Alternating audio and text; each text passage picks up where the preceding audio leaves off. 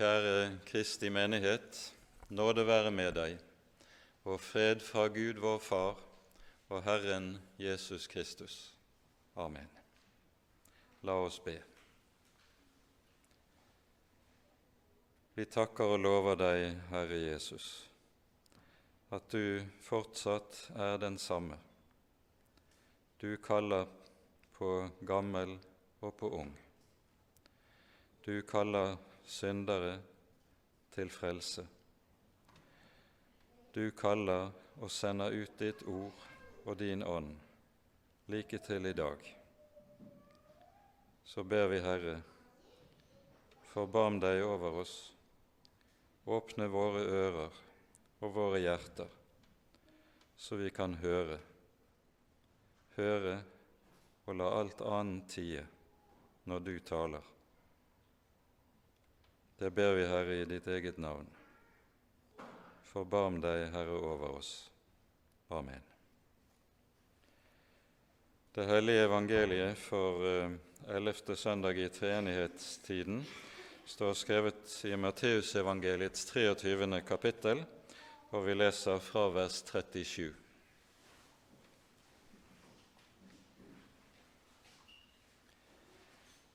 Jerusalem, Jerusalem, du som slår i hjel profetene og steiner dem som er sendt til deg. Hvor ofte jeg ville samle dine barn, som en høne samler kyllingene sine under vingene. Men dere ville ikke. Se, huset deres skal bli liggende øde. For jeg sier dere, fra nå av skal dere ikke se meg før dere sier, Velsignet være Han som kommer i Herrens navn. Hellige Far, hellige oss i sannheten. Ditt ord er sannhet. Amen.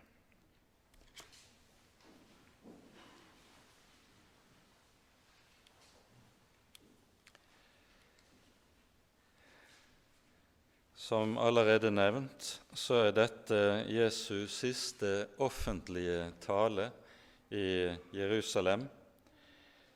Og i Johannesevangeliet sies det i det tolvte kapittelet at etter dette gikk Jesus hen og skjulte seg.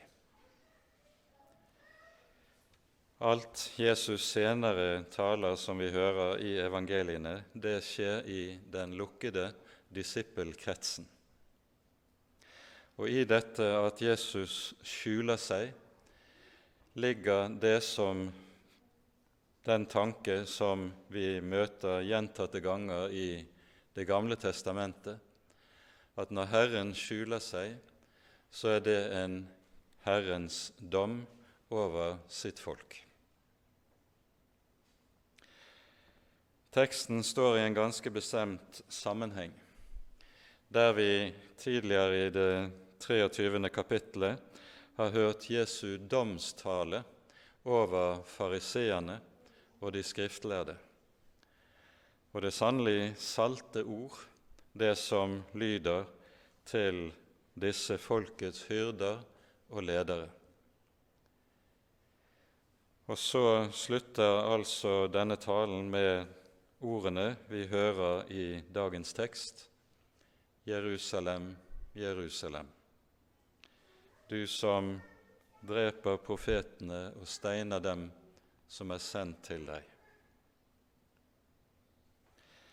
For noen år tilbake så hadde vi en bibelhelg der vi tok for oss fire ulike personer i Bibelen som har det til felles at når Herren taler til dem, så kaller han dem ved navn to ganger. I Nytestamentet hører vi dette gjelde Martha. Martha, Martha, du gjør deg strev og uro med mange ting, leser vi i Lukasevangeliet. Og vi hører dette om Paulus når han er på vei til Damaskus. Og Jesus åpenbarer seg for ham. Saul, Saul, hvorfor forfølger du meg? På samme måte hører vi denne dobbelte tiltale noen steder i Det gamle testamentet. Og hvorfor er det Jesus gjentar navnet to ganger slik? Årsaken til det ligger i at Jesus med dette legger en særlig inderlighet i tiltalen og i kallet. Han likesom vil trykke det inn på hjertet, at det ikke bare skal gå inn det ene øret og ut det annet, som som egen tale ofte gjør det. Jerusalem, Jerusalem.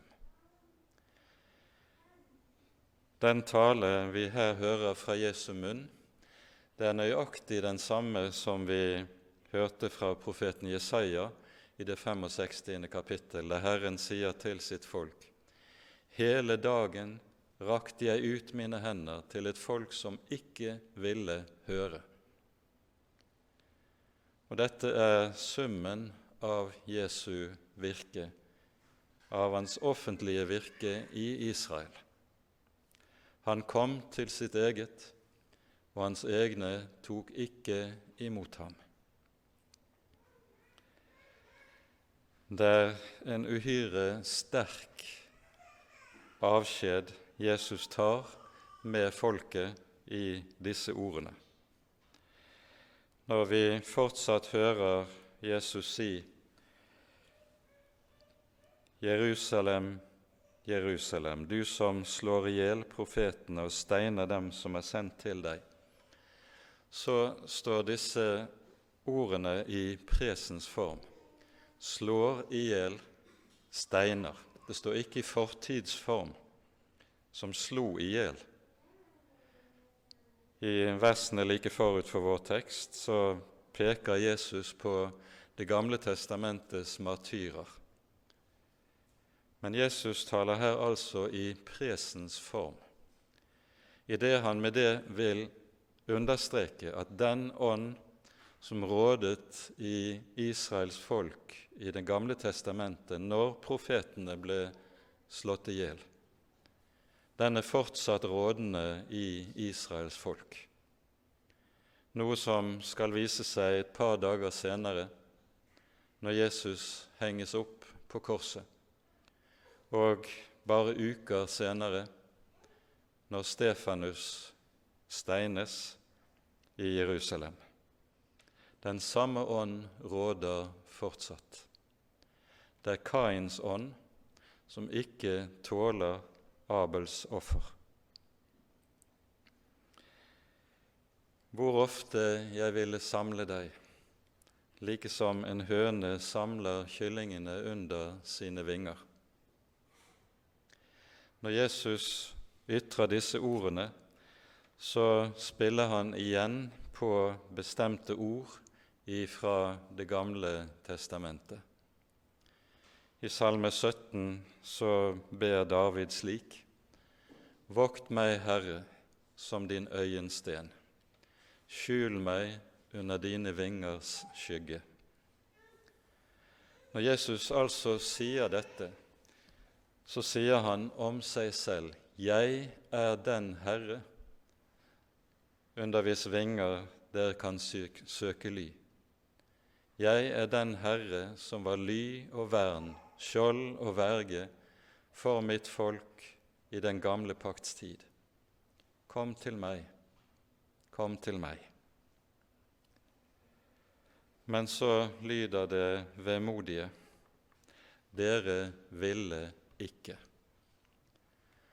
Dette ordet 'dere ville ikke' det lyder ved flere avgjørende tid, tidspunkt i Den hellige Skrift. Vi hører det sies i Isaiah-bokens 30. kapittel, når folket står foran en av sine største katastrofer. Den asyriske verdensmakten er på vei, og folket ser seg om etter noen som kan hjelpe. De drar til Egypt, søker å inngå en militærpolitisk allianse med Egypt for om mulig å demme opp for Asyria. Og så er det profeten Jesaja sendes til folket og sier:" Dersom dere vender om og holder dere i ro, skal dere frelses. I stillhet og i tillit skal deres styrke være. Men dere ville ikke. De ville heller stole på Egypt enn på Herren, noe som ser ut til gang på gang å gjelde Guds folk. For Egypt er i denne sammenheng bildet på verden. Vi setter mer vår lit til denne verden og denne verdens ting enn til Herren og Hans ord og løfte. Dere ville ikke. Det er så meget lettere å stole på det vi ser, enn det vi ikke ser. Stole på et ord som virker umulig, ja, nærmest svermerisk, å ta sin tilflukt til. For det var jo det som var løftet til folket. Men folket dro ned til Egypt. Jesajas løfte gjaldt ikke for dem. Om å oppleve at verdens hjelp var til ingen nytte og til intet gagn. I stillhet og i tillit skal deres styrke være, var løftet. Senere lyder den samme satsen hos profeten Jeremia, der vi leser i det sjette kapittelet i forbindelse med Jeremias sterke omvendelsestale til et folk som er på vei inn i det dypeste frafall. Stå på veiene og se til. Spør etter de gamle stier. Spør etter veien til det gode og gå på den. Så skal dere finne hvile for deres sjeler men dere ville ikke, lyder det på ny. På ny. Vi hører det samme i Matteusevangeliets ellevte kapittel, der Jesus sammenligner folket med barn som spiller på fløyte og vil leke bryllup. Vi spilte på fløyte for dere, men dere ville ikke danse. Vi spilte klagesanger, men dere ville ikke gråte. Nøyaktig slik er det folket reagerer i møte med døperens forkynnelse og Jesu forkynnelse. Dere ville ikke. Det alvorlige i dette, som vi skal merke oss, er at dette sies om og til Guds folk. Det sies ikke til hedninger. Det sies til dem som har Guds ord og kalles Guds folk. Hvorfor er dette gitt oss videre i Det nye testamentet? Det er for at vi skal ta det til oss på den måten som Paulus minner oss om det i 1. Eh, Korinterbrevs tiende kapittel der han taler om hvorledes Herren tok seg av sitt folk i den gamle pakts tid. Men folket hører ikke, folket tar ikke Herrens ord til seg, og så må de smake dommen. De ville ikke. Og så skriver Paulus slik Alt dette hendte dem som forbilder men det er skrevet til formaning for oss, til hvem de siste tider er kommet. Derfor, den som mener seg å stå, han ser til at han ikke faller. I dette ligger det en veldig advarsel mot åndelig selvsikkerhet en advarsel som Det nye testamentet sannelig minner oss om og lærer oss ikke er tomme ord. Vi har så lett for å tenke at dette gjaldt Israels folk i Det gamle testamentet, de var ulydige. Men hadde vi vært der, hadde det vært oss profetene talte til, hadde det vært oss som hørte Jesus og så ham, så ville vi aldri reagert sånn som de. Denne selvgodheten ligger oss i blodet. Men nettopp fordi vi skal la oss advare, er det vi hører i Johannes' åpenbaring hvorledes Herren gjester de syv ulike menighetene i Lille Asia med ord som sannelig er salte. Jeg har imot deg at du har forlatt din første kjærlighet, lyder det til menigheten i Efesos. En menighet der alt er i orden. En menighet som får ros for sin trofasthet, sin utholdenhet og sitt store arbeid. Det var en mønstermenighet, og likevel ser Herren noe som ligger bakom. Han ser hjertet. Jeg har imot deg at du har forlatt din første kjærlighet. Eller til menigheten i Sardes. Du har navn av at du lever, men du er død. Altså, alle mente at her sto vi overfor en levende kristen menighet, men Herren ser det ganske annerledes.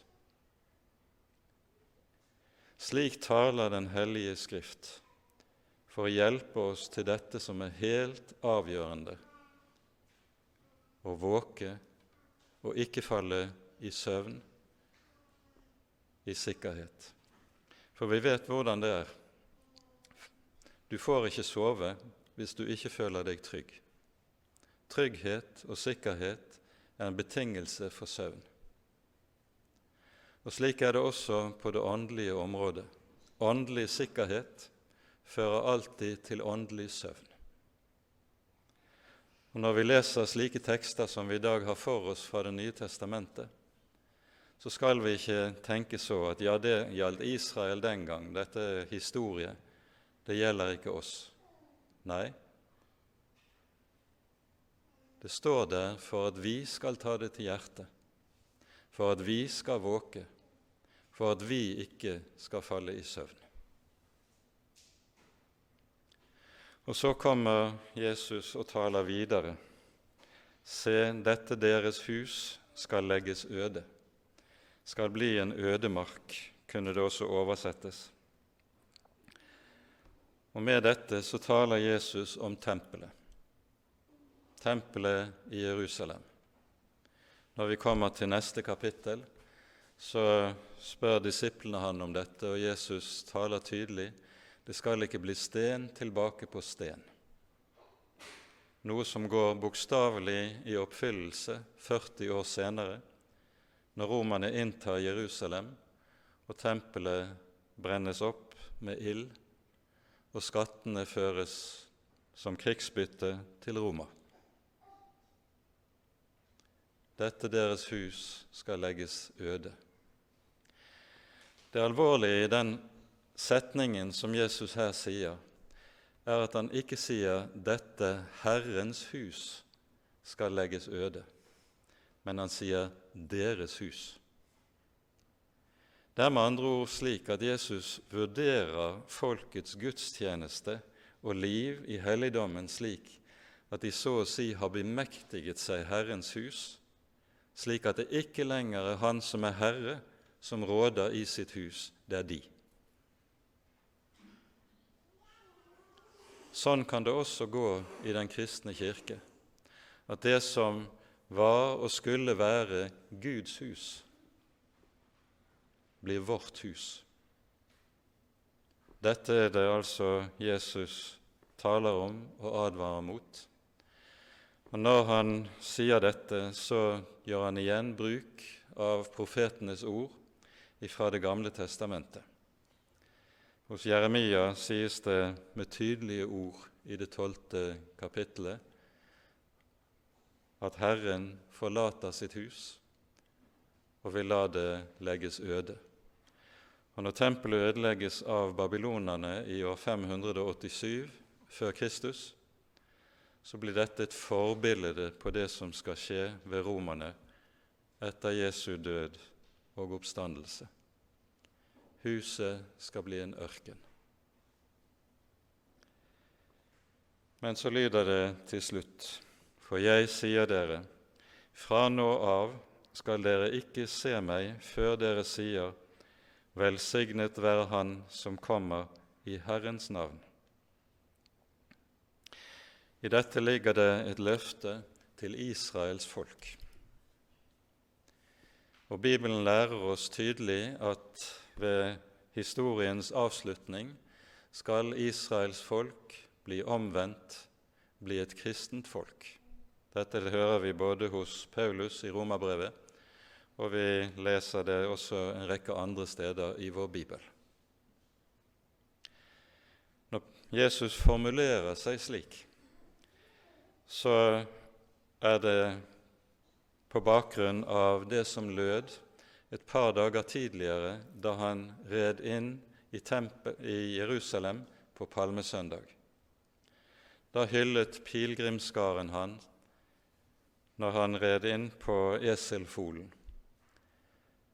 Velsignet være Han som kommer i Herrens navn, var noe av sangen som lød der.